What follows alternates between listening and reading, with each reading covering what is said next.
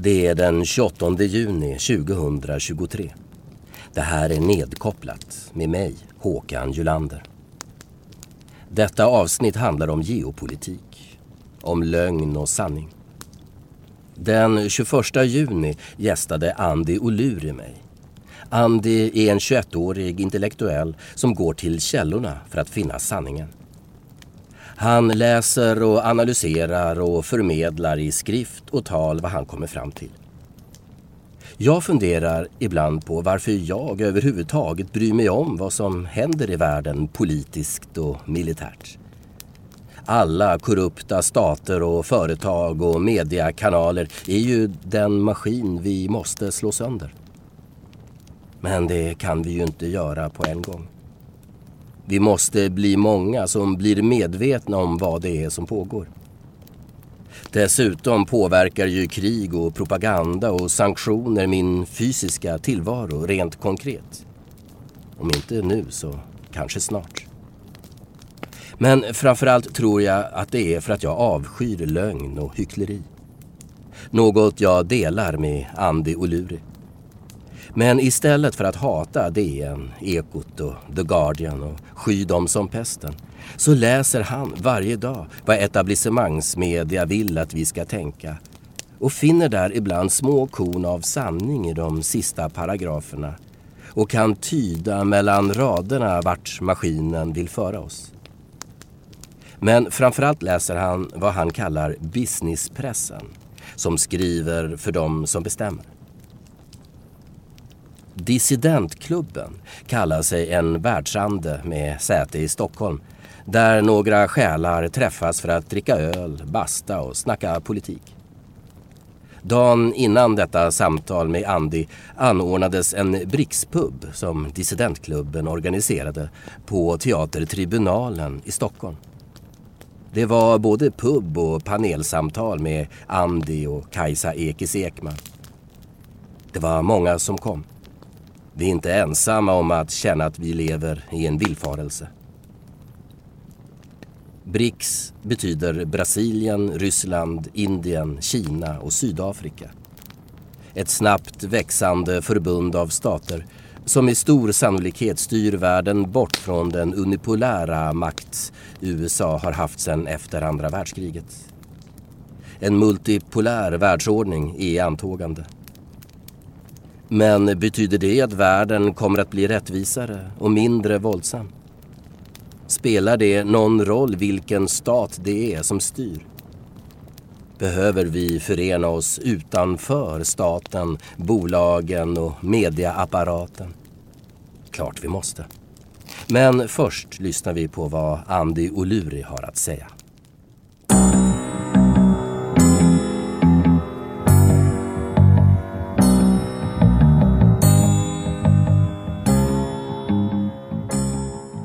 Ja, nu sitter vi här, jag och Andy Oluri mm. i uh, grottan i Studio Antropocen i Hammarbyhöjden. Andy, du får presentera dig själv. Jag är en väldigt enkelsinnad 21-åring som har ägnat en hel del uh, de senaste åren åt att uh, dokumentera media, lugn, propaganda, den totala oförmågan bland de utbildade klasserna att tillämpa på sig själva principer om uh, förespråka för andra. Med andra ord, att se sig i spegeln. Det är vad jag har ägnat den mesta tiden åt. Medialögnen säger du. Vad, vad, är det, vad är den största lögnen vi uh, har omkring oss just nu? Um, hur yttrar den sig? Jag ska besvara en fråga, men låt mig bara vara tydlig med att det är inte bara media. Det är något av en missuppfattning tycker jag Alltså det här är gen generella principer du hittar i de delar av samhället med en utbildning som bildar opinion, eh, som utformar politik och så vidare. Så det inkluderar till exempel akademi. Så media är bara en del av det, men det jag fokuserar mest på media av ett enkelt skäl. Eh, du kan hitta material varenda dag. Alltså varenda dag har du hundratals sidor med nytt material akademi får du då och då relevanta, relevant innehåll. Så media främst för att det är där du kan hitta mest uh, material för att forska kring den här frågan. Eh, så, så jag ville bara vara tydlig med det. Vad är den största lögnen? Jag menar, det beror helt och hållet på vilken fråga man ägnar sig åt. Låt, låt säga att vi... Mm, Alltså det finns ett generellt ramverk. Det generella ramverket är vi är de goda. Vi strider för fantastiska principer. Men vi har ett problem. Problemet är att vi har alla dessa bråkstakar runt omkring som inte kan eh, bete sig så vi måste hålla dem på mattan. Vi måste gå ut dit och säga åt dem, kolla här, demokrati är bra. Vi måste lära er det. Det är den största lögnen. och detta gäller förstås då ryssar och kineser och venezolaner och iranier och alla länder som inte spelar efter eh, mm, USAs pipa. Men det, gäller ju också inhemskt, eller hur? Absolut. Inhemskt, eh, alltså alla, som sagt, man kan inrikta sig på olika frågor. Men inhemskt så har du en tydlig tendens, en väldigt tydlig tendens, det är att de som inte följer vad jag kallar partilinjen, alltså vad som anses vara korrekt att säga, de kommer behandlas som eh, förrädare och eh, eh, folk som springer i den så kallade fiendens eh, ärenden. Ungefär så. Konspirationsteoretiker kallas ju... Är det en väldigt lämplig titel att kasta på människor, så är de. Absolut. Då vet man att, aha, Mm. okej, det den, ska jag se upp för.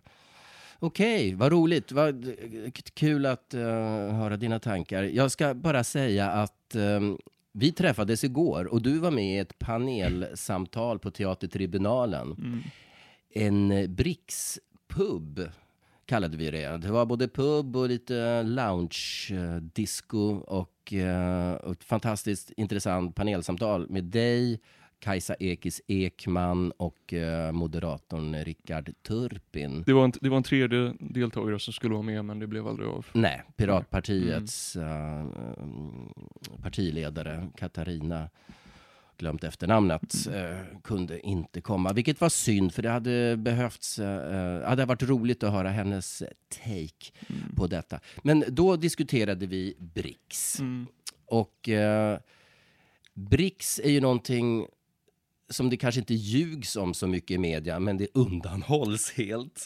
Det, Berätta Precis. lite, vad är BRICS? eh, BRICS, det är sedan 20 år ungefär en sammanslagning av Brasilien, Ryssland, Indien, Kina och Sydafrika.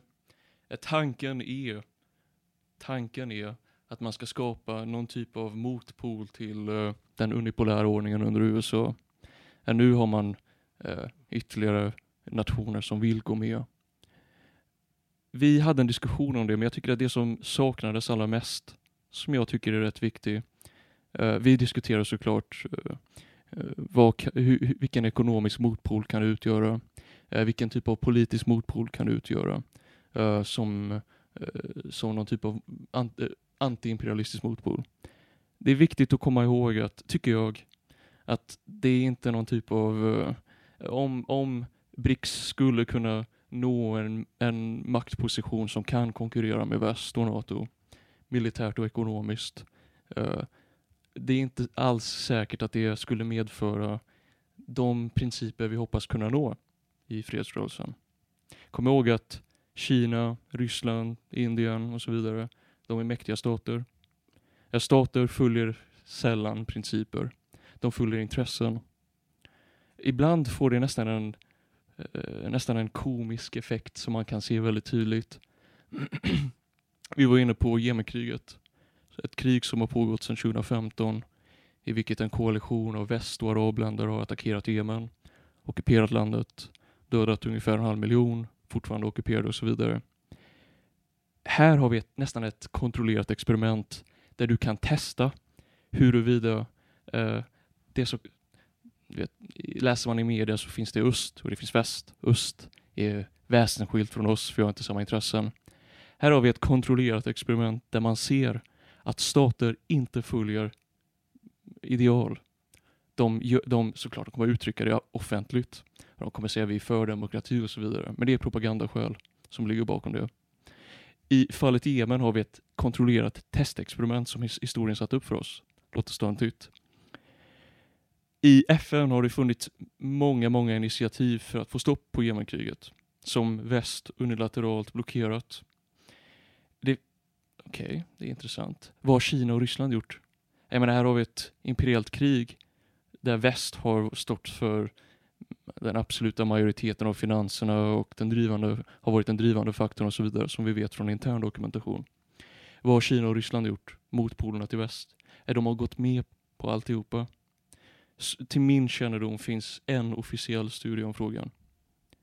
Det är skriven av en ledande Jemen-expert, Handel Kjellin. Uh, uh, från 2020.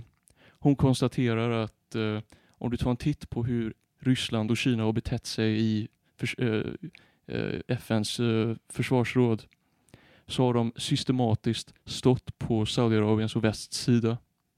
De har inte försökt förhindra kriget, de har inte röstat för resolutioner som har kunnat eh, leda till någonting sånt. Skäl? Jo, för de har sina intressen. Intresset här är att ha Saudiarabien, Förenade Arabemiraten nära. Okej, vad är kontentan av allt det här? Kontentan är att på, på flera punkter, till skillnad från vad propagandasystemet hävdar, hittar du en extremt fascinerande samstämmighet bland väst och öst på, på många frågor. Det här är bara en fråga. Där, och, där de håller med varandra och tjänar varandra, varandras intressen för att intressena råkar vara samma sak. Jag menar, Jemen kan inte tjäna våra intressen. Det är ett litet land, ett fattigt land. Om någon supermakt attackerar det, då är det bäst att vi säljer oss på angriparens sida, för det kommer tjäna våra intressen av naturliga skäl. Och så ser den generella bilden ut. Men du, nu har ju Kina mäklat fred mellan Iran och Saudiarabien och eh, Jemenkriget går förhoppningsvis i alla fall, det har ju lugnat ner sig något otroligt. Ja, det, det, det finns en hel del illusion om detta avsiktlig illusion som upprepas dagligen. Eh, illusionen baseras på en punkt. Att det här är ett proxy, så kallat proxykrig som det, som det heter i media mellan Iran och, uh, uh, och Saudiarabien. Och detta utspelar sig i Jemen. Det, det, finns nästan ingen bevis för det. det enligt FN-källor, NATO-källor och så vidare, så låt oss ta en titt. Utan att gå i för stor detalj. Vi vet till exempel att Uh, för att citera en studie från Atlantic Council, som är mer eller mindre NATOs propagandaorgan, finansieras av väst, uh, Gulfstaterna och så vidare. Eh, de hade en studie från 2017 som är extremt proväst, kommer jag ihåg.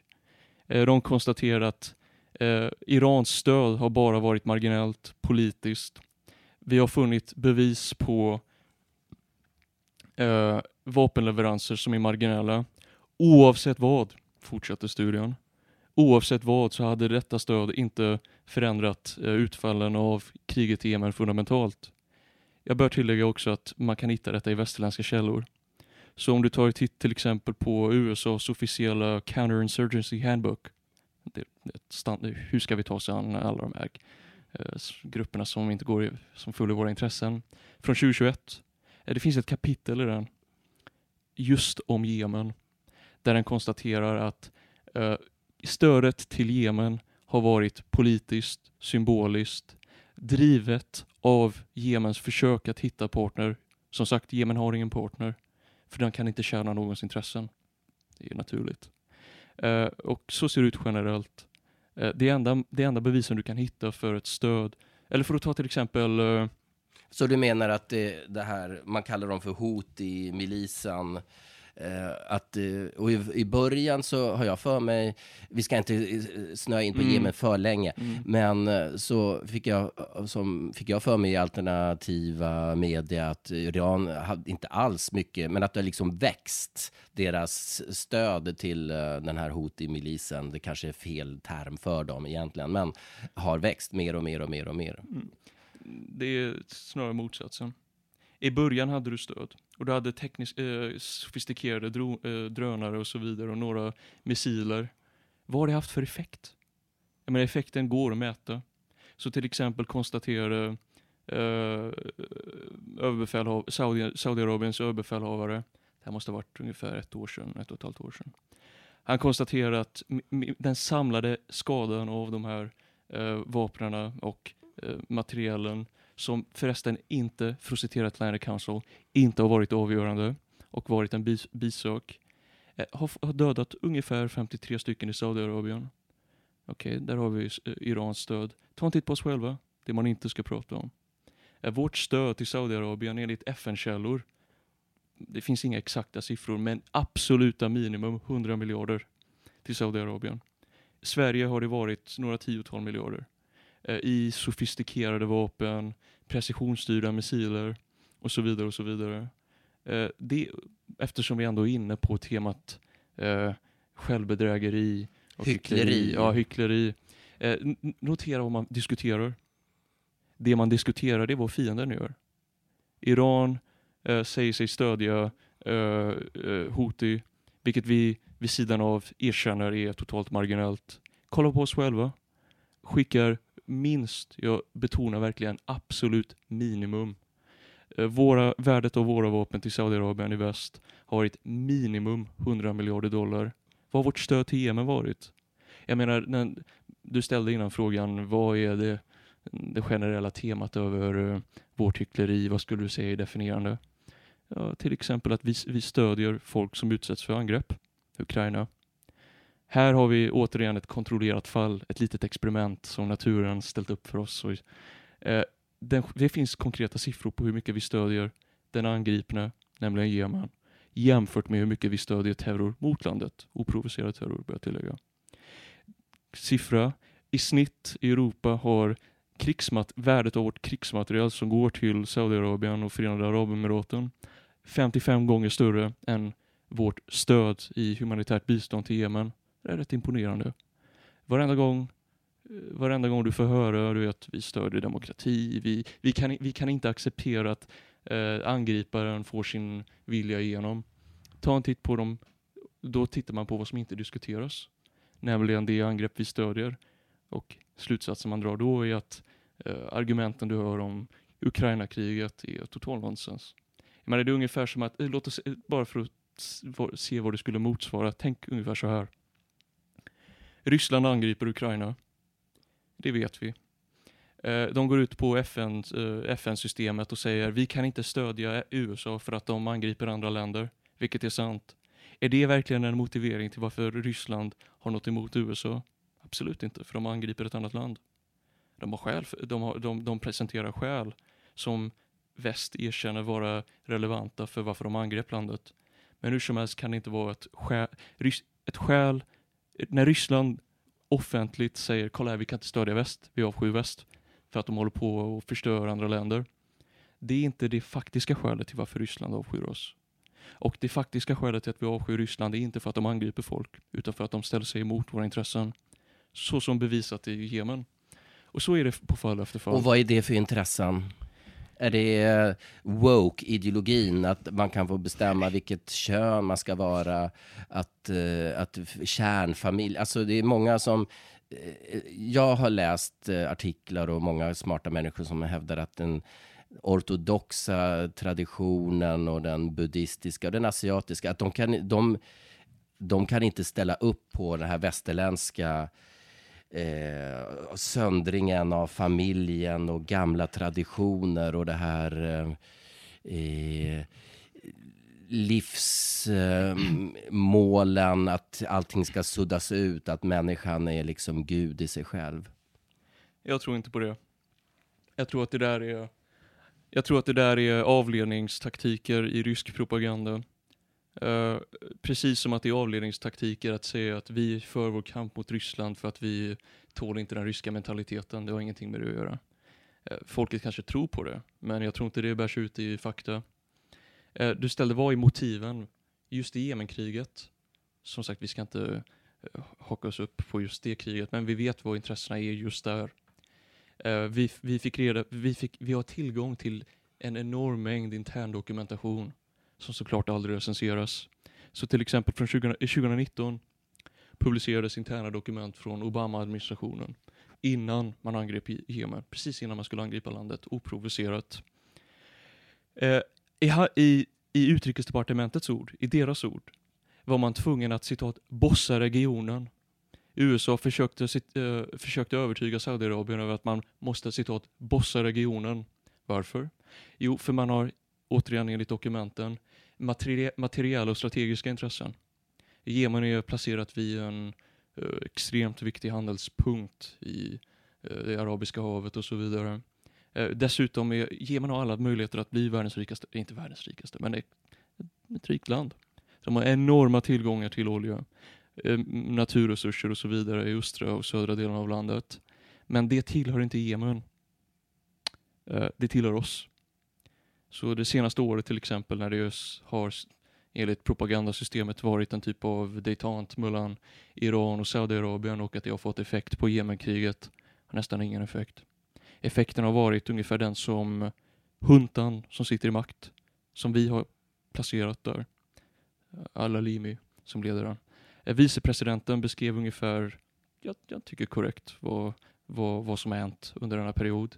Eh, man har kunnat mobilisera västerländska och arabiska företag för att kunna använda ungefär tre stycken eh, hamnar, strategiska hamnar i Jemen för att exportera enorma mängder eh, naturgas och olja eh, under, under täckmanteln av en fred, en dejtant. Eh, media tittar annanstans. Ingen bryr sig om vad som händer med Jemen. Vi kan stjäla tiotals miljarder dollar värde i olja och ingen kommer bry sig. Och när man tar en titt, det finns en studie om detta, nämligen den jag skrev, som tittar på händelserna i Jemen mellan förra året och i år. Du hittar precis just det.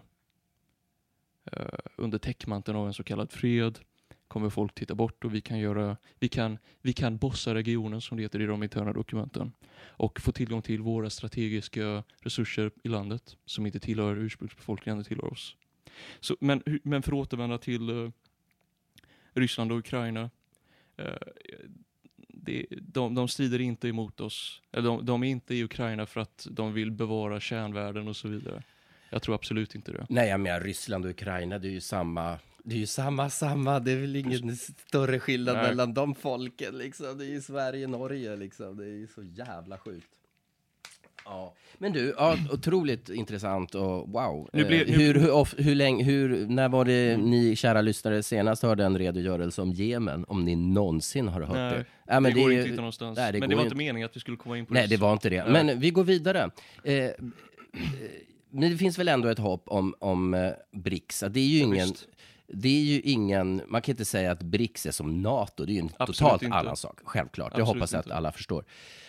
Men eh, och det är ju någonting, alltså väst, nu generaliserar jag säkert mm. lite, men vi har ju har ju med USA som ledare alltid velat, eller sen, sen murens fall i alla fall, velat ha en unipolär värld, ett, ett system som gagnar, ja, som gagnar alla då, har vi tänkt. Att det är dollar som man utgår ifrån och alla har en liksom liknande kapitalistiska system med, olika, liksom lite mm. kulturell fernissa och sådär. Mm. Men BRICS-länderna, de kommer ju från överallt, till Brasilien, Sydafrika, Kina. Alltså det finns ju, dels är det ju liksom, sitter de inte ihop som NATO på något vis ändå gör, förutom att USA har ett hav mellan sig och, och Europa.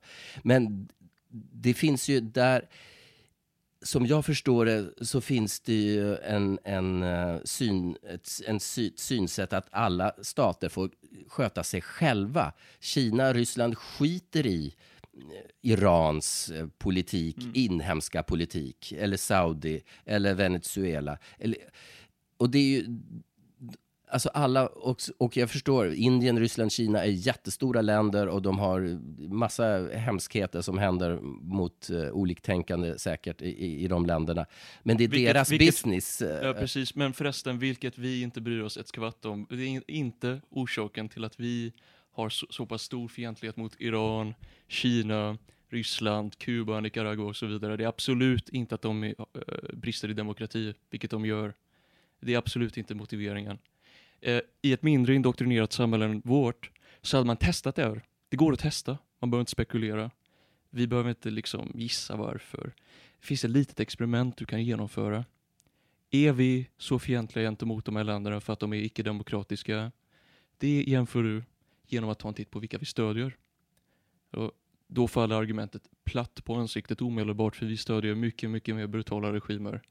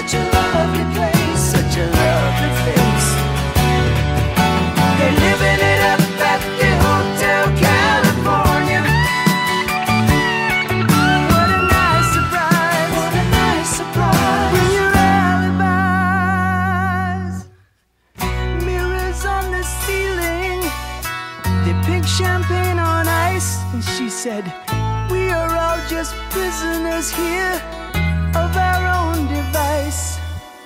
And in the master's chambers, they're gathered for the feast. They stab it with their stealing knives, but they just can't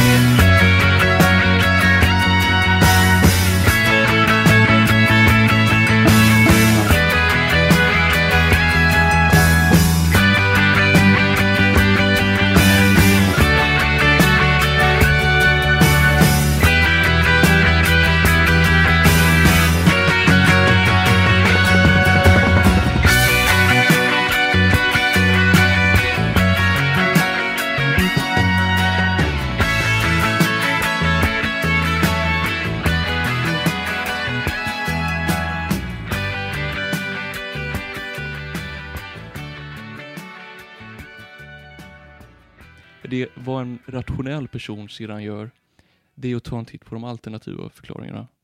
Varför är vi emot dem? Och det är precis det du säger. BRICS, det är ett exempel. Vi är emot dem för att de följer inte order. Eh, det, det är extremt intressant när du tar en titt på den tekniska dokumentationen där man, i väst där man mer eller mindre erkänner det.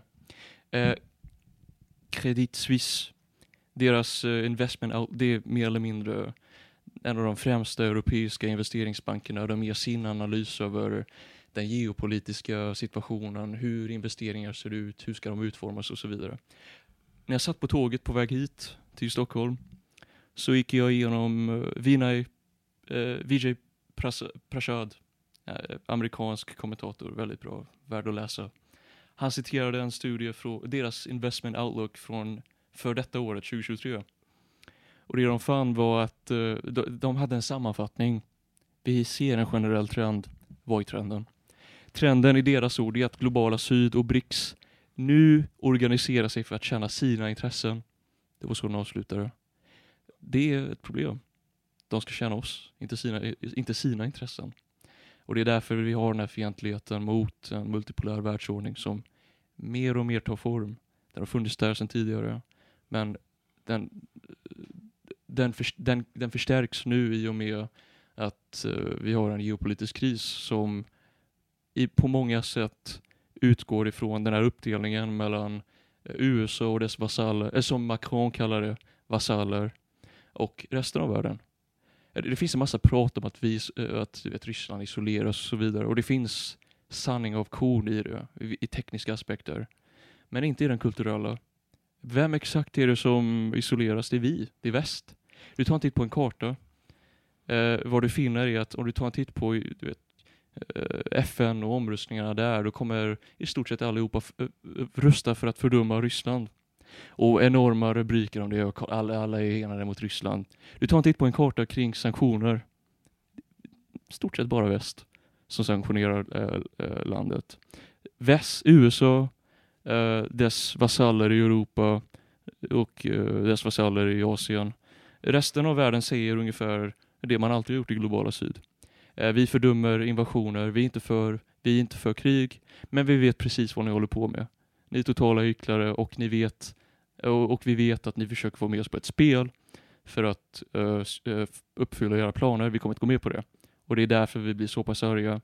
Jag bör, jag bör tillägga att du vet, det, ta, man, ibland kan man se korn av denna sanning i media. Bara för att återgå till det här med uh, självbedrägeri och så vidare. Enligt, den officiella, enligt partivarianten av historia så är det just nu en global kamp mellan mörker och ljus och eh, den är helt kataklysmisk och eh, och så, vidare. Eh, det är vår lilla bubbla. Man inser dessutom att folk verkar inte dela den här. Resten av världen som inte är lika indoktrinerade som oss i Sverige exempelvis, de, de, de köper inte den här världsbilden. Och det erkänns. Så till exempel, eh, ja, det måste väl ha varit två, tre veckor sedan, så hade SvD, de hade en intervju med Fiona Hill. Det är så mainstream det kan bli. eh, från Svenska Dagbladet. Ja, Svenska Dagbladet intervjuar amerikanska för detta ämbetsmannen Fiona Hill. Hon är mer eller mindre liberal, utrikespolitisk guru i USA och alla vördar henne och så vidare. Eh, Hon var, hon var rätt frank om vad som håller på att ske. Eh, Vad som håller på att ske, som hon påpekade, det är att väst isoleras och blir kulturellt isolerade. Eh, Hon påpekade att när västerländska ämbetsmän i Turkiet eller Indien eller Pakistan eller vad du nu, vad du nu vill, så blir de chockerade i hennes ord. Eh, De, de ser inte detta som en kataklysmisk kamp utan som ett krig som till exempel de vi alltid utför. Mot Irak, mot Afghanistan, mot Jemen och så vidare och så vidare. Libyen. Libyen. Eh, De har, förmå- de, har, de har inte genomgått samma kulturell eh, kolonisering av USA där de eh, inte kan se vad som sker. Eh, och återigen, det är där. Men, men man måste, det är inte den bilden du får. Du får motsatt, motsatt bild i media. Frånsett de här konen av sanning som du kan hitta om du läser varenda tidning varje dag från början till slut, läser till sista paragrafen där du hittar konen av sanning. I de tekniska kretsarna är det samma sak. Så European Council on Foreign Relations som jag nyss nämnde, de hade en studie i januari i år där de påpekade precis samma sak. Uh, nämligen att vi, vi ser en kamp Men det är inte den kampen du och jag får höra. Uh, vi är totalt enade mot Ryssland. Utan snarare att globala syd inser att det här är ett krig. Krig är inte bra, vi fördömer krig såklart. Men vi tänker inte blint med kolartro upprepa eh, vulgär västerländsk propaganda om att eh, vi överhuvudtaget skulle ha något intresse för suveränitet och eh, vi kommer inte kö- köpa er självbelåtenhet. Så det är ett generellt tema. Jag är ju så pass gammal så jag kommer ihåg Sovjetunionen och jag var till och med där i Leningrad. En blöt vinterhelg med några kursare från Uppsala. Jag känner att det, det är vi, du, det är så ro, roligt det du sa, att det är vi som blir isolerade. Jag känner väl att vi, Europa, håller på att bli ett Sovjetunionen. Absolut. För vi, vi får ju inte resa. Vi, det bestäms av icke-demokratiskt valda politiker. Van der Leyen och de här EU... Vad, vad sitter hon i? Vad är hon ledare? Vad kallas det? Eh, EUs ord- eh, Europa, hon- ja, Europakommissionen. kommissionens överhuvud Ja, just det. Mm. Som inte är politiskt... Hon är politiskt tillsatt, men hon är inte demokratiskt vald. Men plötsligt så bara bestäms det över våra huvuden att vi inte får resa till Ryssland. Vi får inte titta på vissa mediakanaler. Det är precis som i Sovjetunionen. Det är precis som i Sovjetunionen och på ett, på ett rätt intressant sätt också, inte bara det du beskrev. Eh,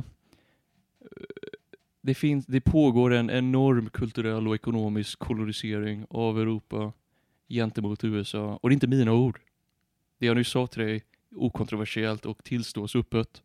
Så bara för att gå tillbaks till Euro- sa det, gentemot USA. ja, underordning för USA, vi blir deras vasaller. Det måste jag- Eh, för att återgå till vad som mer eller mindre är EUs halvt officiella eh, underrättelsetankesmedja mer eller mindre. European Council on Foreign Relations.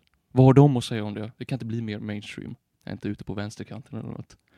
I deras ord, i deras ord, i en studie från ungefär förra månaden, genomgår Europa nu vad de kallar auto-subservience, automatisk underordning. Vi blir i deras ord vasaller åt USA. Eh, de beskriver hela fenomenet som eh, konsten av vasallisering. Även på sitt, e-, sin egen bekostnad.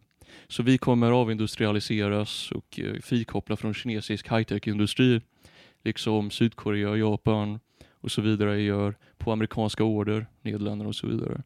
Eh, och syftet är, för att citera en Pentagon-finansierad studie, CSIS, eh, eh, ledande amerikansk underrättelseorganisation. Eh, man, USA har en avsikt, den är tydlig.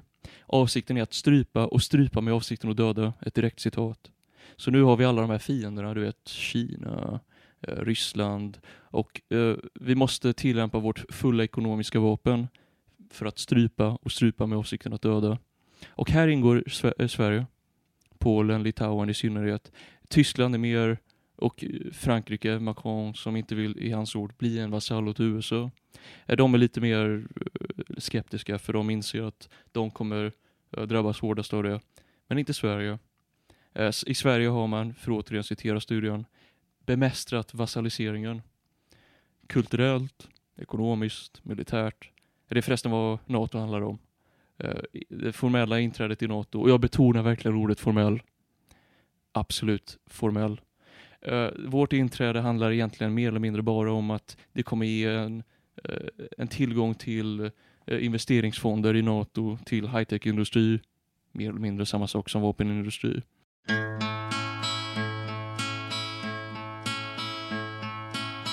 Jag kom till världen på femte sal Min far var tosset, min bror var normal men da de kørte ham væk, sagde mor til mig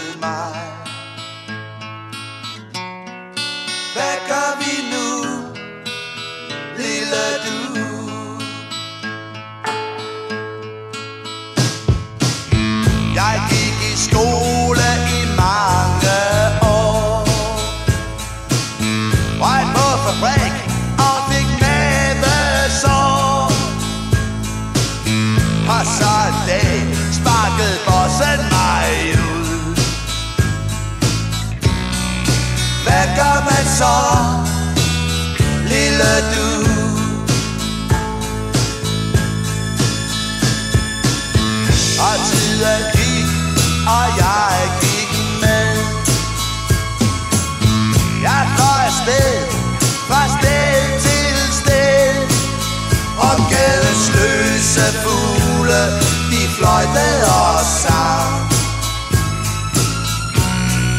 Hvor skal vi hen, lille du?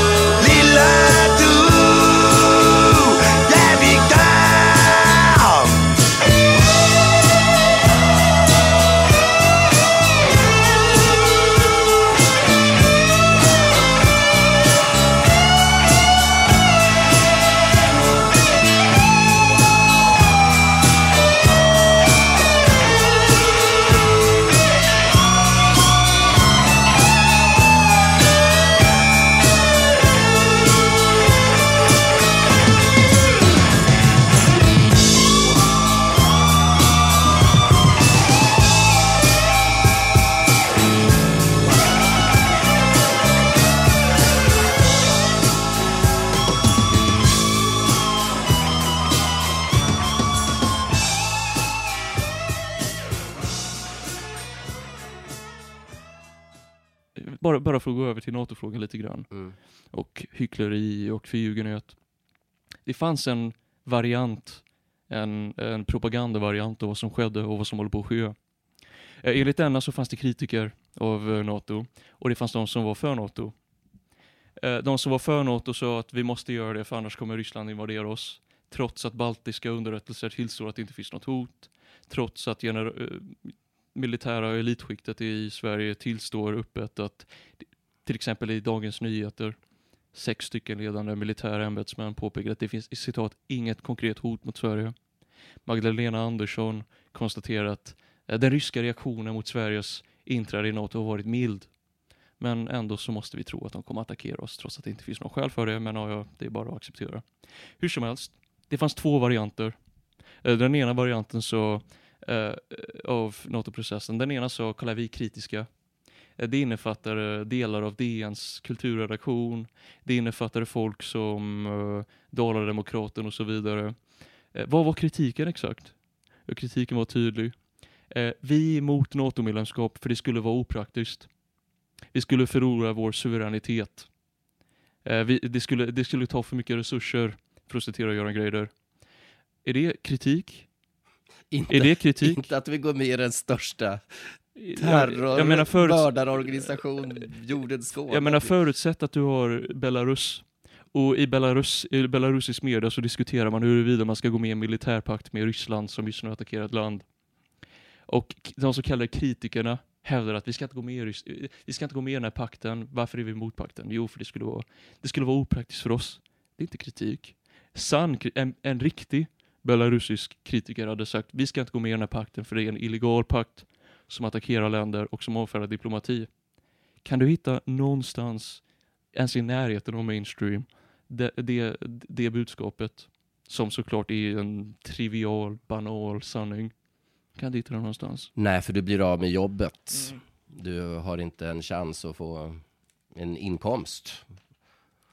Eftersom det inte finns någon, någon media eller någon, ja, någon, poli, någon större fredsrörelse eller det finns bara små, små, små brickspubbar och Folket i bild kulturfront Mm. och, det, och några bloggare liksom. Alltså, Men, vi den, men den, är- här bild, den här bilden är extremt självkörande. Eh, det, fanns, ja, det var rätt, nästan komiskt när folk diskuterade hur debatten hade sett ut. Jag tror det var Demoskops VD någon gång i april. Eh, hon hade en insändare i Dagens Industri.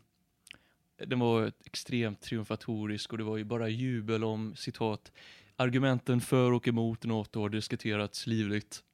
Jaså? Kan du, hitta, kan du någonstans hitta det jag nyss sa? någonstans ens i närheten av mainstream. Återigen, det går inte. Anledningen till att det inte går det är för att när du, du vet, rent fundamentalt så ser man det generellt i demokratier Eh, jämfört med diktaturer. Propagandasystemet i diktaturer, den är rätt, den är, den är rätt klumpig. Eh, du har, en, du har ett, eh, en politbyrå i Moskva som ger ut partilinjen, följ denna annars hamnar du i finkan. Mer eller mindre. Det finns faktiskt rätt stora undantag. Om du följer rysk media så kan du faktiskt hitta principiell kritik mot invasionen av Ukraina för att det är fundamentalt fel. Du kan inte hitta det här om till exempel attacken mot Irak. Nästan omöjligt. Eller Afghanistan. eh, Som förresten ansågs vara någon typ av humanitär eh, och upplysande aktion mot de bakåtvända afghanerna som inte fattar. De kan inte fatta hur pass väl vi vill dem. De fattar inte det så vi var tvungna det att var dra ju någonting som de tog till efteråt. Ja. Och det finns just, jag vill inte prata om mig själv, men det finns en studie kring detta. Eh, Hur vi betraktade vår humanitära mission i Afghanistan, som förresten aldrig hade någonting eh, att göra med en civiliserande eh, mission eller att vi skulle demokratisera landet. Det där var vulgär propaganda. Det var nämligen den jag skrev. Och vad du finner när, vi, när väst Och sig- var har du skrivit detta? Är det din, din bok eller är det Nej. andra essäer tidigare? Ja, låt mig börja vart jag inte har skrivit den. Vart har jag inte skrivit eh, i stort sett den enda studien om svensk propaganda om ett väsentligt krig, nämligen absolut inte i mainstream. Det är vad du skulle förvänta dig. Jag menar, det du skulle förvänta dig det är att propagandasystemet kommer aldrig diskutera kritiken mot sig. Den kommer diskutera taktisk kritik. Den kommer diskutera taktisk kritik och den kommer faktiskt uppmana till det. För då får du illusionen av fri debatt. Du kan aldrig diskutera fundamentala frågor som rätt och fel, vad som är illegalt och inte, för det skulle röja kulisserna. Så den här studien och många andra, den är publicerad i en liten dissidentsajt som kallas eh, Global Politics, ibland också för News Voice, Proletären, men de här ute vid marginalerna. Deras läsekrets är några tusen max. De kan aldrig, få, de kan aldrig åstadkomma ens en skråma på partilinjen. Anders Rommelsjö som driver Global Politics har ju blivit eh, utnämnd till uh, Putin uh, apologet också, va? av um, de här Atlantic Council-människorna. Uh, Patrik Oksanen, uh, Oksanen. uh, vad heter det, en, mm, en perfekt stalinistartad uh, apologet för statlig våld. Eh, han kom ut och sa i typiska kommunistiska manér, vi stör fri, eh, folk, och fri, eh, folk och försvar. Med andra ord, när du har några pensionärer som organiserar för att, kolla här, vi kanske inte är så goda, vi kanske borde se oss i spegeln. Då, citat, stör du staten. Och att de var ett, citat, störmoment. Eh, jag, återigen, jag citerar nu väst, svensk human opinion, inte nordkoreansk eh, media. Men bara för att återgå till frågan om hur, hur ser systemet ut, hur är det uppbyggt? Jag menar, vad vi diskuterar nu det är bara exempel, utfall av systemet. Det är mer eller mindre samma princip. Att diskutera Jemen, att diskutera sanningen om Ukraina, att diskutera Irak, det är egentligen oväsentligt. Det är slöseri med tid, för det du gör det är att du diskuterar en och samma struktur som manifesterar sig om olika frågor. Det är egentligen vad du har. Vad är då systemet? Jo, systemet är väldigt enkelt. Ingen censur. Vi har inte censur, vi hatar censur, vi är fria, vi är demokratiska. Eh, vad du har det är att du har en inskärpt, du, du lär dig sedan barnsben att det finns vissa saker du inte säger. Eh, du lär dig sedan barnsben att vara konformistisk. Du förstår att uh, du, du blir inskärpt förståelsen att om jag går bortom en viss acceptabel gräns uh, då kommer jag bli, då kommer jag inte få, du vet, jag kommer bli av med jobbet eller jag kommer inte få bra karriär och så vidare. Uh, och det är extremt effektivt. Fall efter fall efter fall, tusentals sidor dokumentation och som en förutsägbar effekt känner ingen till dokumentationen. Det är precis det du skulle förvänta dig. Du kommer aldrig hitta, du, media kommer inte tillåta att man diskuterar på ett seriöst sätt hur världen fungerar. För det skulle ju såklart återigen röja kulisserna. Det är rätt annorlunda från ett land som Ryssland exempelvis.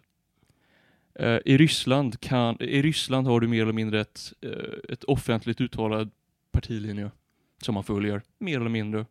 Eh, det finns några undantag, men de, då, du vet, de, de blir tillsagda att ta lugna ner dig, alltså andra du finkan. Och du får en relativt sammanhängande bild av det, en eh, sammanhängande partilinje baserat på våld. Det finns en slutsats man kan dra av det här, men det är inte den du kommer hitta dras. Slutsatsen är att åtminstone kan en rysk propagandist hänvis, en rysk propagandist kan säga kolla här, jag följer partilinjen annars kommer jag hamna i finkan en svensk propagandist som är på många sätt långt mer indoktrinerad än en rysk kan inte använda den ursäkten. Eh, Peter Wolodarski, DN, Aftonbladet, de kan inte hänvisa till den ursäkten för att de blint och inte ens medvet, de är så genomindoktrinerade att de inte ens vet att de upprepar de här partilinjerna. De kan inte hävda till eh, statligt våld för sin, eh, som en ursäkt för sin, eh, sitt medlöperi. Slutsats? Jo, slutsatsen är att den moraliska nivån och intellektuella nivån hos en svensk propagandist eller en propagandist i ett fritt samhälle är långt mycket lägre än den hos Ryssland. De har ursäkter för sin undfallenhet och sin, uh, sitt medlöperi till propagandasystemet, det har inte vi. Jag menar, du och jag och folk i Stockholm, vi har inga som helst problem med att hitta information. Vi har alla källor tillgängliga. Vi kan ha det samtalet utan att polisen kommer hit och skjuter oss eller sätter oss i finkan. Men vi kommer inte vi kommer inte främja den typen av debatt eller diskussion. För vi har det inskärpt i oss att vissa saker går inte an att säga. Nej, vi tas inte på allvar. Alltså det tas ju inte på allvar. Men du, tiden går och du säger ju ofta att du är optimist.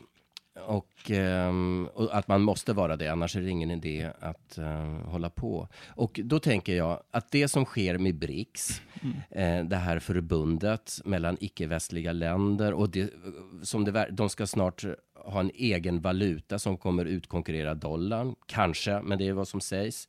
Alltså, förut så har, när man gör affärer mellan Brasilien och Kina så har man alltid fått hänvisa till dollar, vilket jag har gjort i USA så till det rika land det är och mm. det styrande landet.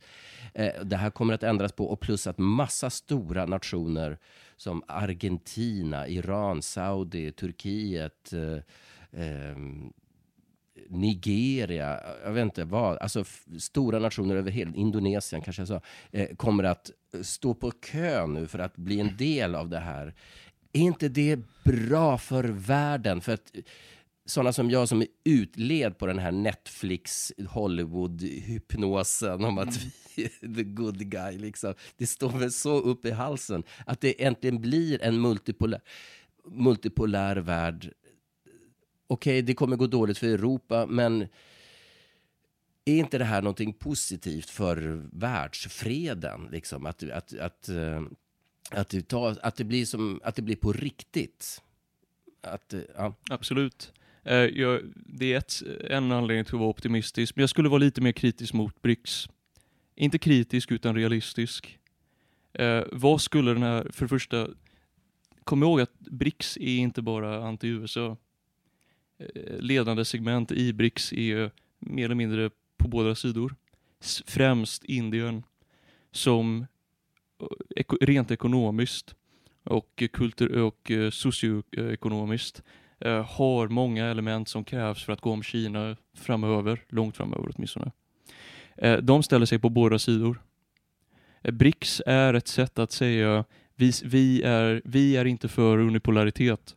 Men det innebär inte att alla problem kommer lösas för det, eller inte heller för den del att man just nu har förutsättningarna för att uh, kunna konkurrera med uh, den västledda dominansen. Rent monetärt, jag menar vad skulle den här valutan vara? Det måste ju vara någonting konkret.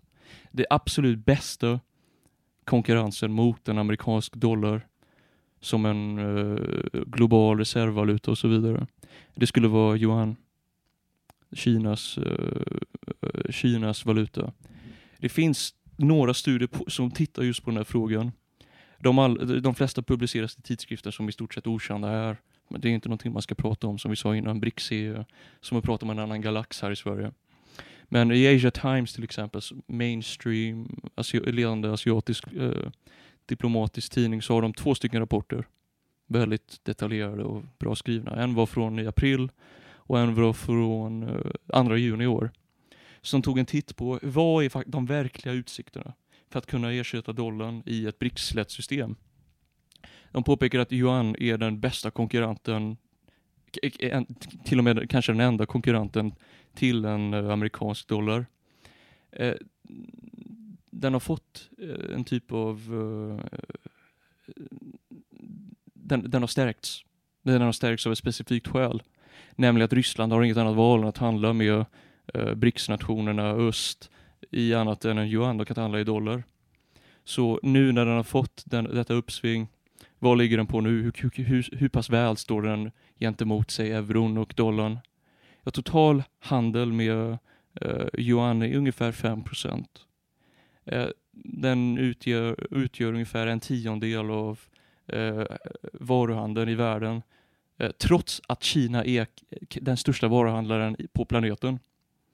Eh, gentemot dollarn som är ungefär ungefär 60-70% av alla valutareserver i världen så är yuan inte ens en bråkdel av det. Faktum är att om man ska vara helt ärlig så är euron mycket starkare i dessa hänseenden än yuan. Uh, ungefär in, kanske en fjärdedel av vad dollarn är i, i global handel, valutareserv och så vidare och utbyte. Så man, man bör vara optimist men man bör också vara realist. Och man, jag tycker man borde vara försiktig med att sammanblanda BRICS och globala syd. I mångt och mycket överlappar de. Men inte nödvändigtvis, och de gör inte det i kritiska hänseenden. Globala syd, majoriteten av befolkningen, deras intressen är att tjäna mänskligheten, tjäna sig själva, inte bara ett enda land, inte bara ett enda system. BRICS är eh, en konstellation av länder, mäktiga länder. Och en stat, det är ingen ängel. En stat drivs av sina intressen. Jag gav några exempel innan, man kan ge fler. Eh, de kommer tjäna sina intressen och det är inte nödvändigtvis i enlighet med folkets bästa.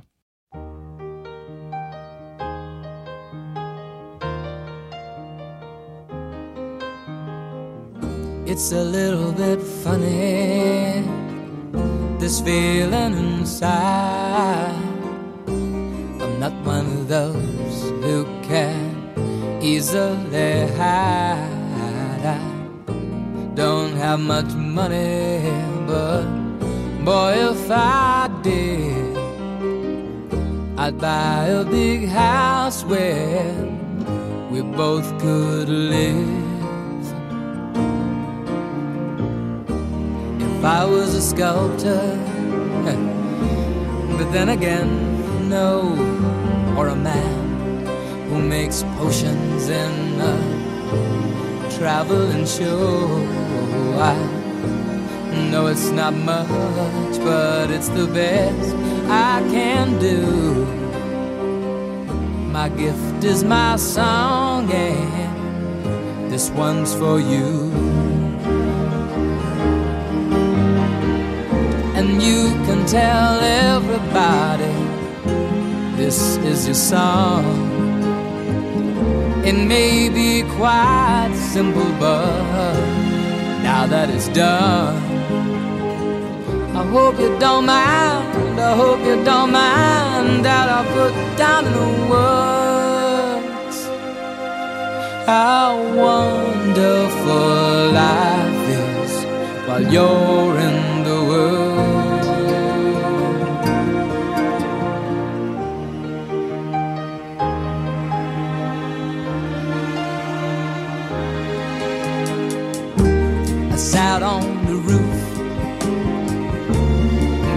out the moss. Well, a few of the verses, well, they've got me quite cross. But the sun's been quite kind while I wrote this song. It's for people like you that keep it turned on. so excuse me for getting. But these things I do, you see, I've forgotten if they're green or they're blue. Anyway, the thing is, what I really mean. Yours are the sweetest eyes I've ever seen. You can tell everybody this is the song. It may be quite simple, but now that it's done, I hope you don't mind. I hope you don't mind what I put down in the words. How wonderful life is while you're in. I hope you don't mind. I hope you don't mind that I put down in the words. How wonderful life is while you're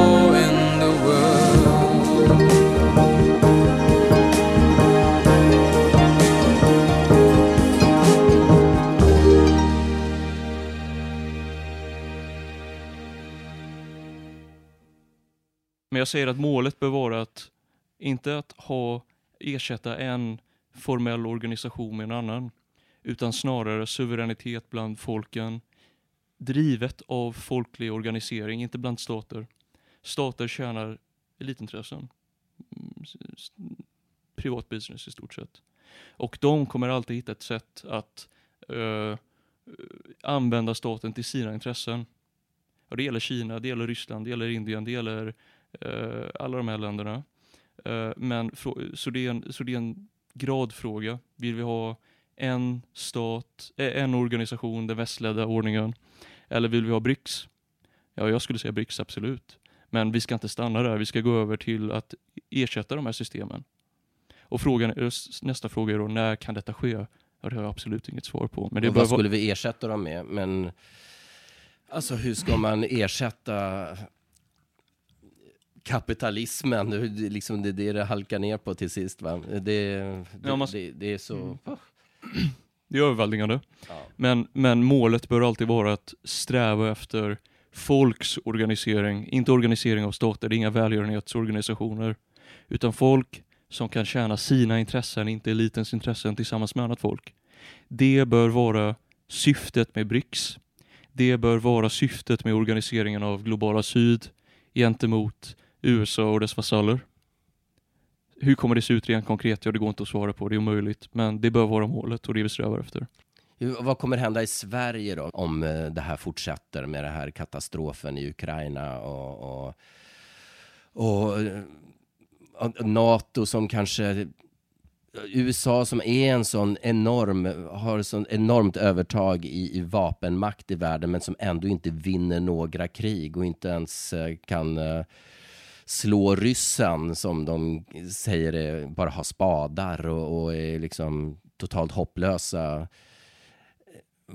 Och, och så samtidigt som BRICS växer och självförtroendet, inte bara bland BRICS-stater utan bland afrikanska stater som i Namibia till exempel, som skäller ut eh, var det någon tysk eh, statsman som var där eller franska kolonier. De, de tar inte skit längre. Liksom. Det, blir något, det, det, det är ett slags vågskålen håller på att liksom ändras här. Att eh, de tidigare kolonialstaterna får får självförtroende här när de ser, de vågar, äntligen vågar de säga kejsaren är naken och kejsaren är en hycklare och så.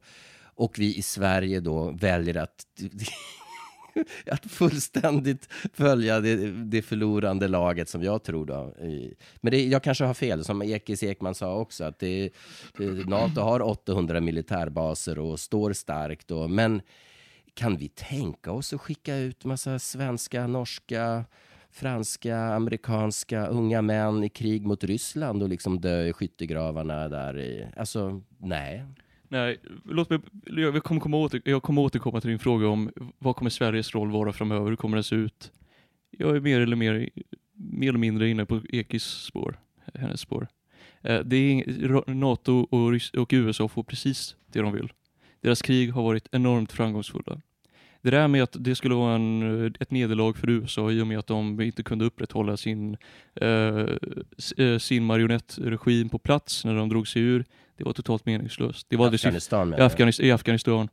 Det var aldrig, syftet var aldrig att demokratisera landet. Syftet var att ockupera landet, använda det som en, ut, en bas för utsugning och uh, att kunna ta tillvara på resurserna som finns i landet. Som återigen inte tillhör dem, nu när vi sanktionerar dem, de måste få lida. Samma sak i Irak, samma historia där. Uh, det var triumfer för USA. Uh, Ryssland, triumf för USA. Syftet är inte att besegra Ryssland, det är snarare inte syftet. Syftet är att hålla dem i evigt krig. Att citat weaken Russia, Lloyd Austin. Att att, att försvaga Ryssland för att sedan kunna gå över till Kina för att ta sig an landet och nöta ner dem med. Men de lyckas ju inte försvaga Ryssland, de växer ju bara. I, I, olika hänseenden. Du vet, världen är komplex. Eh, Ryssland har kunnat, Ryssland har i mångt och mycket kunnat motverka sanktionernas effekt genom att handla via Indien och att sälja via Indien till Europa. Det var två stycken studier om detta, en från Atlantic Council, en från ett norskt eh, kreditinvesteringsinstitut som tog en titt på det i miljarder dollar i handel som främst Sverige, Baltikum, USA eh, och andra nationer gör eh, har med Ryssland via, eh, med, via andrahandsparter, främst Indien. Jag, vi kom inte in på det igår, men det är viktigt. Men hur som helst, men Ryssland är, Ryssland är ett krig där de ständigt förlorar män och är under sanktioner som inte kan uh, som inte kan kringgås via att handla med Indien exempelvis. Till exempel den tekniska industrin, vilket är den viktigaste för stormakter såklart, för att kunna upprätthålla sin militära makt och innovation och så vidare. Det kan de inte kringgå. De kan inte kringgå det faktum att ryska män dör på slagfältet när vi eh, när, när, när väst, västerländsk krigsindustri eh, går som aldrig förr. Och vad är då, och det är den generella bilden. Den generella bilden är att vi ska, ta, att vi ska genomföra regime change i Ryssland för att sedan gå över till Kina och ta oss an dem. Det är inte mina ord, det är före detta överbefälhavare Wilkersons ord eh, från förra året. Så det är syftet. Det är syftet, inte att vinna över Ryssland Syftet är att nöta ner Ryssland, hoppas att befolkningen reser sig emot en uppstudsig regim. Det är syftet. Och i det hänseendet är det en, det är inte en succé för dig och mig. För dig och mig är det en katastrof, men för de som styr är det en fantastisk och fenomenal framgång. Så man måste vara försiktig när man pratar om vad som är syften, framgångar och inte. Men över till din initiala fråga. Sverige, NATO, USA, hur ser vår framtid ut? Vår framtid ser ungefär ut som den man beskriver i businesspressen, som ofta är väldigt ärlig. Businesspressen kan vara ärlig, för de som läser den, det är de som styr. Det är en väldigt liten grupp som läser dem. I Aktuellt och i SVT och i TV4, där kan man inte vara ärlig, för där kommer den avskydda massan se och titta, så du kan inte vara ärlig med dem. Men hur som helst, bilden vi får i business är rätt ärlig. Den beskrevs av uh, mer eller mindre agendasättaren Frida Wallnor. Dagens Industri. Vi måste gå med i Joe Bidens tech-NATO för, att kunna för att kunna genomföra fenomenal innovation i krigsindustrin och få tillgångar till investeringar och så vidare. Och hon påpekade dessutom, återigen väldigt ärligt, att Bidens NATO verkar mindre och mindre vara syftat till att försvara Europa och snarare syftat till innovation och att ta sig an Kina. Och så tillvida vår elitsektor som är djupt integrerad med USA anser att det tjänar dem, vilket det gör, att vara med formellt i NATO i en amerikansk ordning. Så tillvida man gör det kommer vi vara en del av NATO och foga oss under USA att genomgå vad European Council on Foreign Relations, vad de kallar eh, automatisk underordning under USA. Hur stoppar man det? Jo, genom eh, det vi gjorde igår. Att organisera sig, att eh, att vända sig till den allmänna befolkningen som är i regel mycket mindre indoktrinerad än den utbildade sektorn. Att vända sig till dem, att få dem att förstå situationen vi är i, eh, hur pass viktigt det är att vi kan få till stånd en bättre eh, värld och att, att våra intressen tjänas inte. Intressena som tjänas det är de som styr showen, eh, den business-sektorn. De styr den politi det politiska systemet. De får sin vilja igenom noggrann och massiv dokumentation på det som du såklart aldrig kommer få lära dig i skolan. Eh, och syftet för oss det är att tjäna emot detta. För det är inte till, våra, till eh, eh, mänsklighetens eh, fördel att vi har den här typen av ständig konflikt och vassalisering. Eh, vi borde få stå på det. Eh, det är den enda chansen vi har.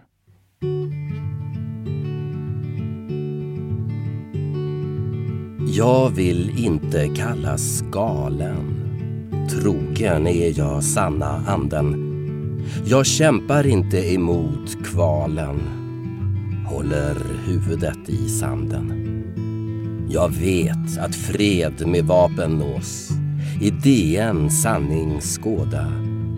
Tro ska med censur förgås. Där statens ordningsregler råda.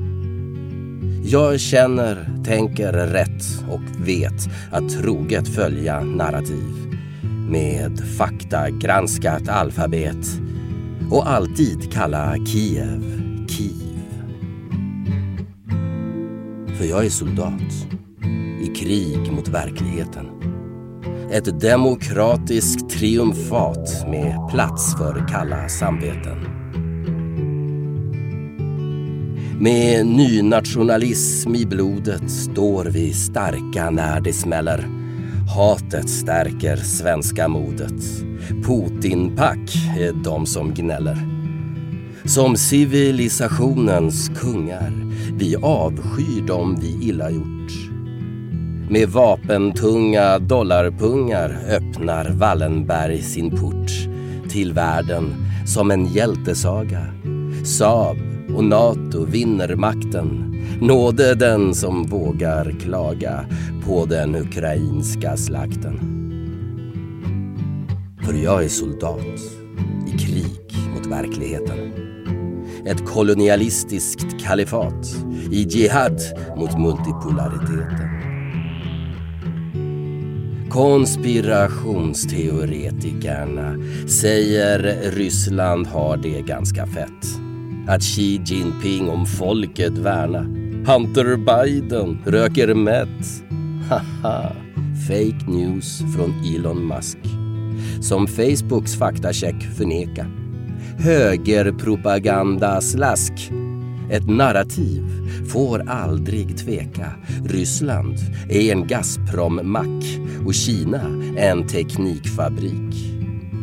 Men för att hålla dem i schack behövs sanktionsmetafysik. För jag är soldat i krig mot verkligheten.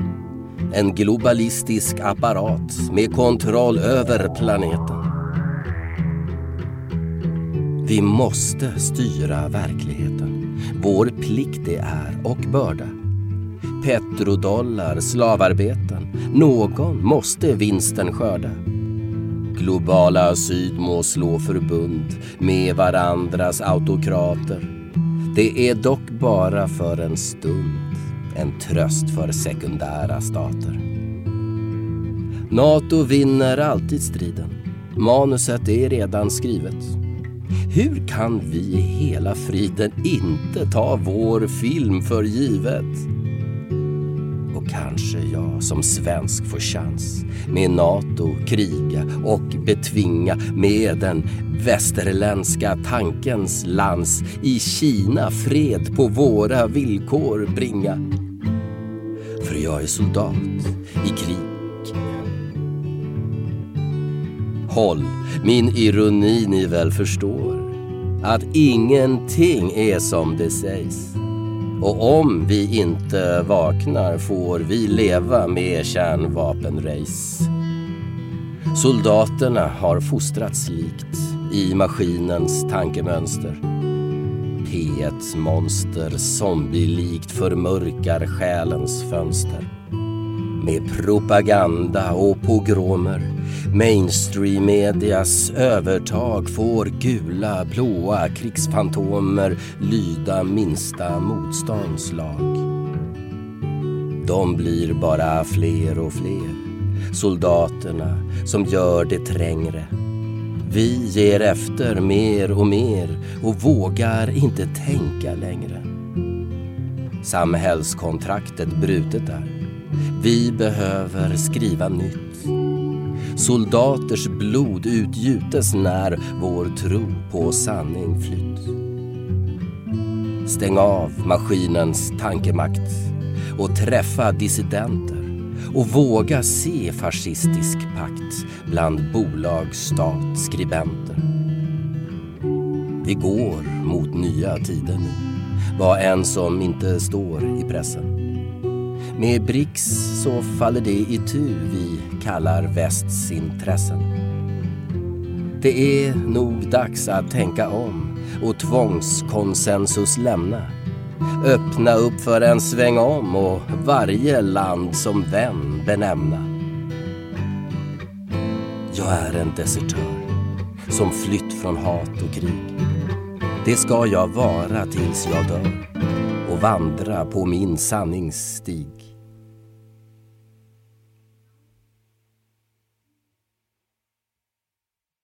Sverige blir mer och mer en vasallstat till USA. Det är helt tydligt. Det kommer att gå med i NATO. Det kommer att finnas NATO-baser här. Det kommer eventuellt finnas kärnvapen här som det verkar. Men det är så jäkla mycket som kan hända. Jag menar, Trump, om han får ställa upp så kommer han till ganska stor sannolikhet vinna nästa presidentval. Så som det ser ut nu. Som om man, tittar, om man tittar på opinionssiffrorna nu. Å andra sidan, deep state, vad man nu vill kalla det, militärindustriella komplexet, tänker inte tillåta det. Så det kommer ju hända saker i USA. Det är ju framförallt där jag ser hoppet till NATOs fall. Alltså att det, att det, att det krackelerar inifrån, från, eh, från dess hjärna och hjärta. Liksom. Vad, spekulera, vad tror du? Jag tror, jag tror absolut inte det. Eh, ta Trump till exempel. Du tror aldrig på något jag säger. Kontrarian för, för Ja, bara, bara det är för att... skitbra, vad, vad fan Nej, men- jag? Nej men så här. om man tar, ta, vad var Trump? Alltså Trump är perfekt för det amerikanska propagandasystemet. Det är att förleda någon, det är att förleda allmänheten att vilt, du har två sidor som diskuterar mer eller mindre kulturella frågor. Eh, frågor som absolut aldrig kommer eh, beröra amerikansk imperialism, så tillvida han inte säger det öppet. Vad menar jag? Trump gjorde allt han kunde för att tjäna NATO. Det är inte enligt propagandasystemet. Enligt propagandasystemet ville han avveckla NATO och var extremt kritisk. Vad han i själva verket gjorde det var att genomföra flest, flest NATO-övningar intill Rysslands gräns med kärnvapenkapabla B-52 och B-1 och ständiga militärövningar i hela Östeuropa. Beväpna Ukraina mer än någon annan president har gjort. Eh, så tillvida, så tillvida att eh, när Biden tog över så eh, hade han, det finns återigen dokumentation på detta ifall du är intresserad, knappt möjligt att hålla i samma takt som eh, Trump när det kom till NATO-övningar, finansiering av Ukraina och så vidare. Vad Trump gjorde, varför Trump verkligen inte gillas, den, det, riktiga, det riktiga skälet, inte propagandaskälen, det var att han sa saker eh, som man ska hålla tyst om. Han sa det öppet. Vi är i Syrien för att ta deras olja, vi har några trupper kvar där, vi ska ockupera en tredjedel för att ta deras olja. Eh, vi kommer ha tillgång till Venezuelas olja och så vidare. Han sa saker du inte ska säga, han sa det högt. Man behöver någon mer professionell person som är förutsägbar, som håller tyst och, säger, och som upprepar de, du vet, standard Washington-propaganda om att vi tjänar mänsklighetens väl och vi vill bara upprätthålla demokrati och sådana grejer.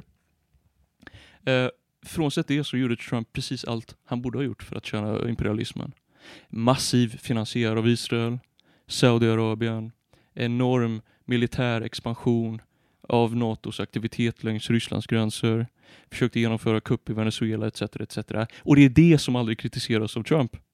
Kritiken mot Trump är att han är en buffel, han är eh, klumpig, han är, eh, eh, han är inte lämplig för att vara president.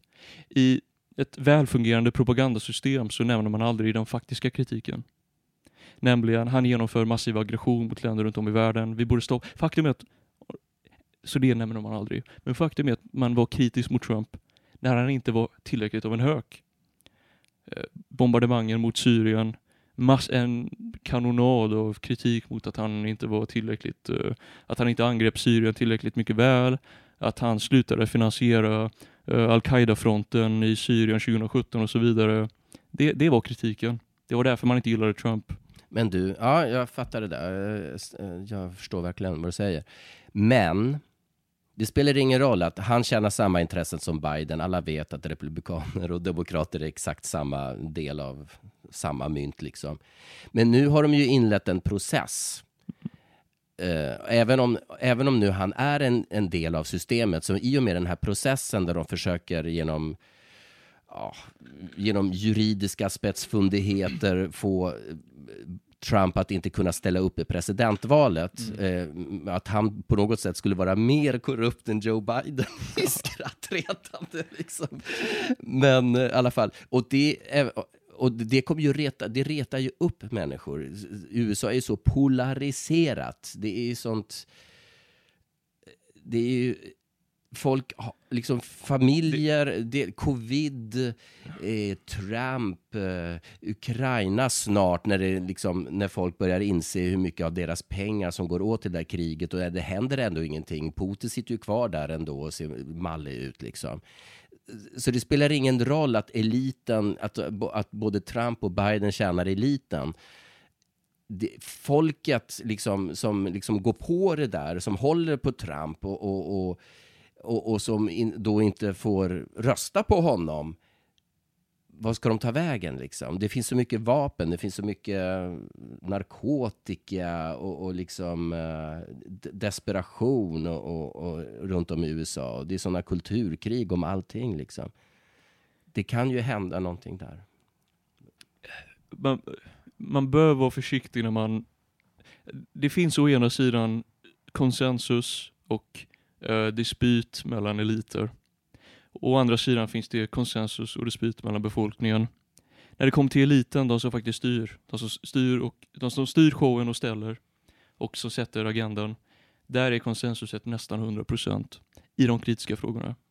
Att, tjä- att, ge, att, att tjäna företagen, att upprätthålla krig ständigt är inte bara, det finns, li, det finns liten, en liten mängd Eh, dissidens bland en del republikaner. Men deras kritik är att kolla vi kan inte finansiera Ukraina för vi måste gå över och ta oss an Kina. Det där är inte kritik, det där är imperialism. Det är bara taktisk diskussion om eh, hur du bäst ska genomföra denna imperialism.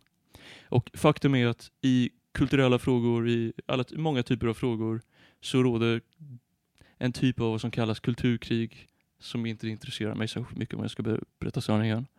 Men det finns däremot 100% konsensus i frågorna som faktiskt spelar roll. Nämligen den farmaceutiska industrin, eh, nämligen krig, eh, nämligen eh, förmågan av företagen att kontrollera det politiska systemet. Där råder ingen diskussion och det är precis det du skulle förvänta dig när du har två sidor som sätter upp en chimär av debatt i ett fritt samhälle där folk inte kan diskutera grundfrågorna. Det är för farligt. De måste prata om någonting annat, jag vet inte vad det är de diskuterar nu.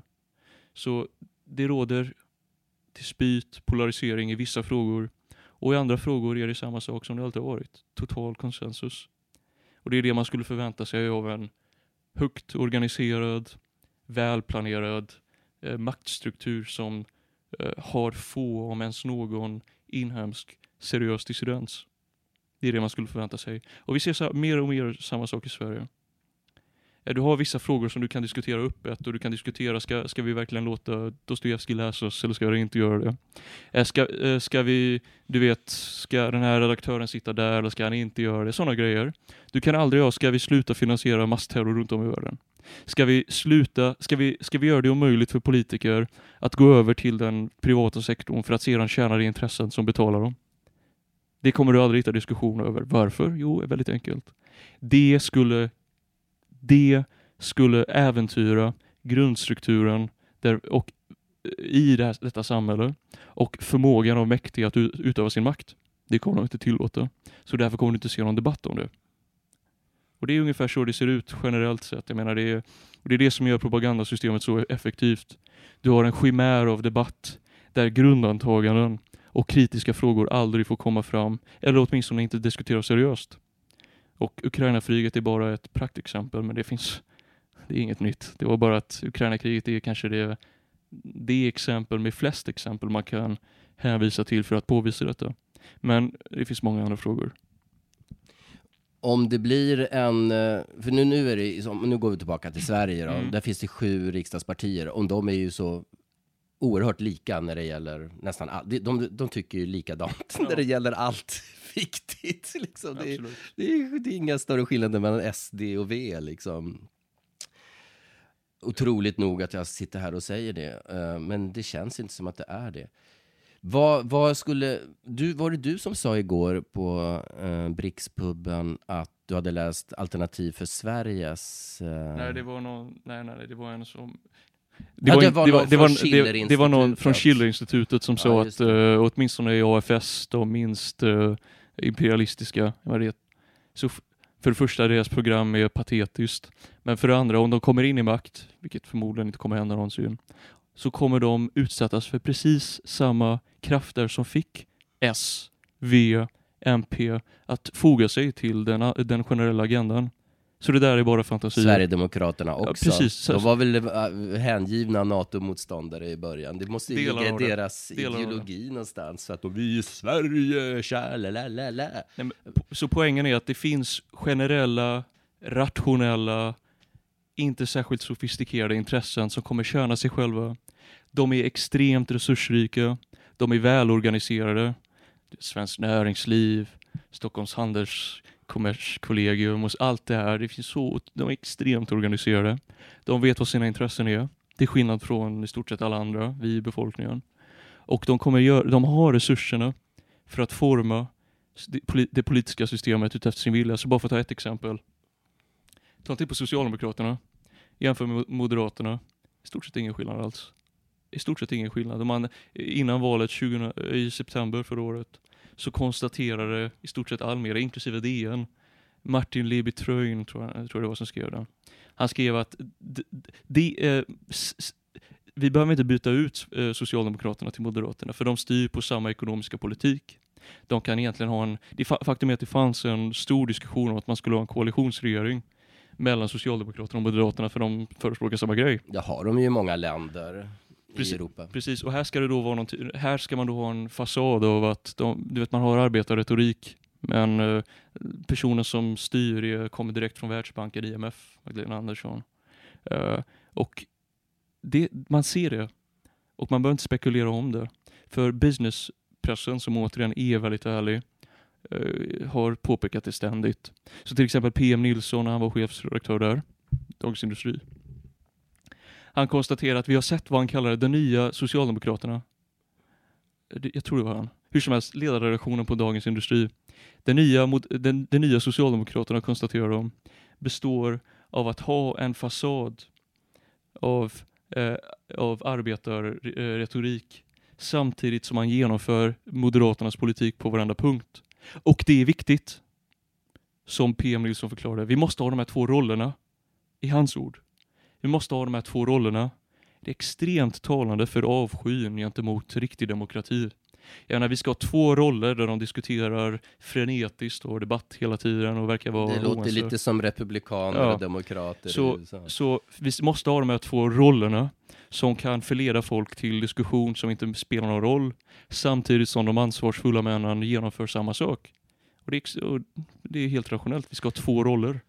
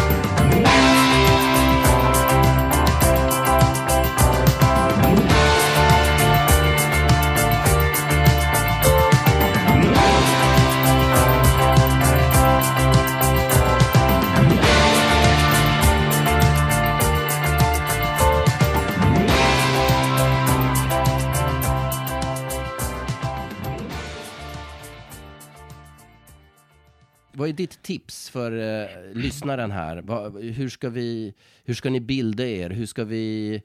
Är, är det att läsa businesspress för att förstå vad som verkligen händer? Givetvis slå av SVT och Ekot och pff, DN och det där. Men, men, eller ja, vad dum jag är. Det, så gör ju jag och jag är korkad. Du läser ju dem också för att förstå vad som händer. Men alla har ju inte tid. Men är det någonting, vad, är- hur ska man liksom kunna gå, vara liksom vid sina sinnens fulla bruk och inte bli galen och paranoid och över... Ja, låt, mig- låt mig bara säga att allt jag har sagt hittills är inte det minsta komplex. Det finns ingenting jag har sagt än så länge som inte en tioåring kan förstå. Om man bara använder lite, arbetar lite grann för att få fram informationen. Det enda som krävs det är att du faktiskt tar din tid och genomför arbetet som krävs, vilket är mycket. Och väldigt få kommer göra det. Men det finns ingenting som jag har sagt som är komplext, som ingen kan förstå, slutsatser som ingen kan nå själv. Det krävs bara ärligheten. Och allt jag har sagt nu, allt jag har sagt, kan man tillämpa på en officiell fiende. Jag menar förutsatt att vi säger, vi, vår diskussion har varit om hur Ryssland fungerar. Självklarheter. Du, alla förstår det reflexivt. Men när det gäller oss själva, då är det svårare. För det finns ett enormt tryck på att inte förstå hur samhället fungerar. Så då är frågan, var kommer optimismen? Jo, optimismen kommer ur det faktum att det är väldigt svårt att ta sig an ett system av förljugenhet ensam. Du måste organisera dig. Det är i stort sett det enda sättet. Okej, okay. vilka hinder står framför oss då från att organisera oss, lära från varandra, utbilda sig och eh, ta, gå till handling? Ja, det är inte mycket. Det här är ett väldigt fritt samhälle. Som sagt, polisen kommer inte komma och arrestera oss för att vi säger det här. Eh, i, inte än. Inte, nej men, det, men hur som helst, det är ett fritt samhälle och det finns inga spärrar från att organisera sig. Och vi bör, som jag sa igår, ta inspiration eh, från samhällen som gör samma sak under mycket värre förhållanden. Exempel. Egypten. Egypten som vi finansierar med hull och hår är den värsta diktaturen på planeten kanske. Återkalla faktan. 20, 65 000 minimum politiska dissidenter i vad Human Rights Watch kallar ett svart hål för mänskliga rättigheter. Tortyr, avrättningar varje dag. Eh, förhållanden som knappt ens kan föreställas. föreställas. Det finns inga politiska val. All dissidens är nedslagen. Hundratals tidningar har totalt snivellerats med marken. Finns inte längre. Så det finns ingen opposition. Och det finns inget utrymme för opposition heller. Eh, ungefär 20 000 civila mördade i Sinai av eh, militären och flygvapnet som vi eh, som väst, i synnerhet Frankrike, eh, beväpnar, leder, förser med underrättelser och så vidare. De, de slutar inte organisera sig. Eh, de har en livlig politisk kultur. Trots att de vet precis vad som kommer ske. De kommer hamna i finkan. De kommer som eh, Rami Shath, ledande dissident, som eh, fördömde väst för sin totala medgörlighet, eh, med- medlöperi för terrorn i Egypten. Han, eh, det hindrar inte honom från att organisera befolkningen. Han fick sitta i isoleringscell i åratal och torterades och så vidare. Nu är han fri som tur är. Om de kan göra det och vi inte kan göra det, då är det rätt sorgligt. Det finns ingenting som hindrar oss, Är det inte det att vi har det för bra än så länge? Alltså, kanske. vi, alltså en revolutioner och upp, eh, Eh, uppror sker väl först där vi hungrar. Det är möjligt, men vi i det här landet saknar vi en kultur av eh, solidaritet och kritisk inställning till makten. I andra länder där man har en helt annan kultur, en helt annan kultur och mer förståelse om hur världen fungerar. Exempelvis Nicaragua eller Egypten eller Fili- bondebefolkningen i Filippinerna som vi bombar ihjäl. Eh, de har en helt annan kultur av solidaritet, medmänsklighet och förståelse. Och jag tror att eh, det måste botas i det här landet och många andra länder, inte bara vårt såklart. För att få folk att verkligen bry sig och engagera sig. Vi måste utbilda varandra. Vi måste ha organisering, hur det än må se ut. Så jag tror att det är ett stort problem. Och eh, det löses bara genom organisering och att folk engagerar sig. Och utbildar sig. Bra. Då gör vi det. Tack så mycket, Tack själv. Andy Oluri, 21 år gammal. Trevligt att vara. Det är jättespännande att ha fått lära känna dig och du har ju en lång framtid till mötes där Mm. du kan förändra på saker och ting. Lycka till! Tack. Du har lyssnat på Nerkopplat. En analog apostrof i en digital dysfunktionalitet. Musiken du hörde var Hotel California med The Eagles. Vad gör vi nu lille du med Gasoline. Your Song med Elton John. Och Wall Street Shuffle med 10cc. Dikten Krig mot verkligheten är skriven och framförd av mig och mixad av Jesper Jäderlund som också har mastrat hela programmet. Alla länkar till rapporter och artiklar Andy Oluri talar om finns att hitta i noterna till programmet på Substack. Prenumerera gärna på Nerkopplat på Substack eller ge ett bidrag på Swish 123 647 0694. Gå med Gaia så hörs vi.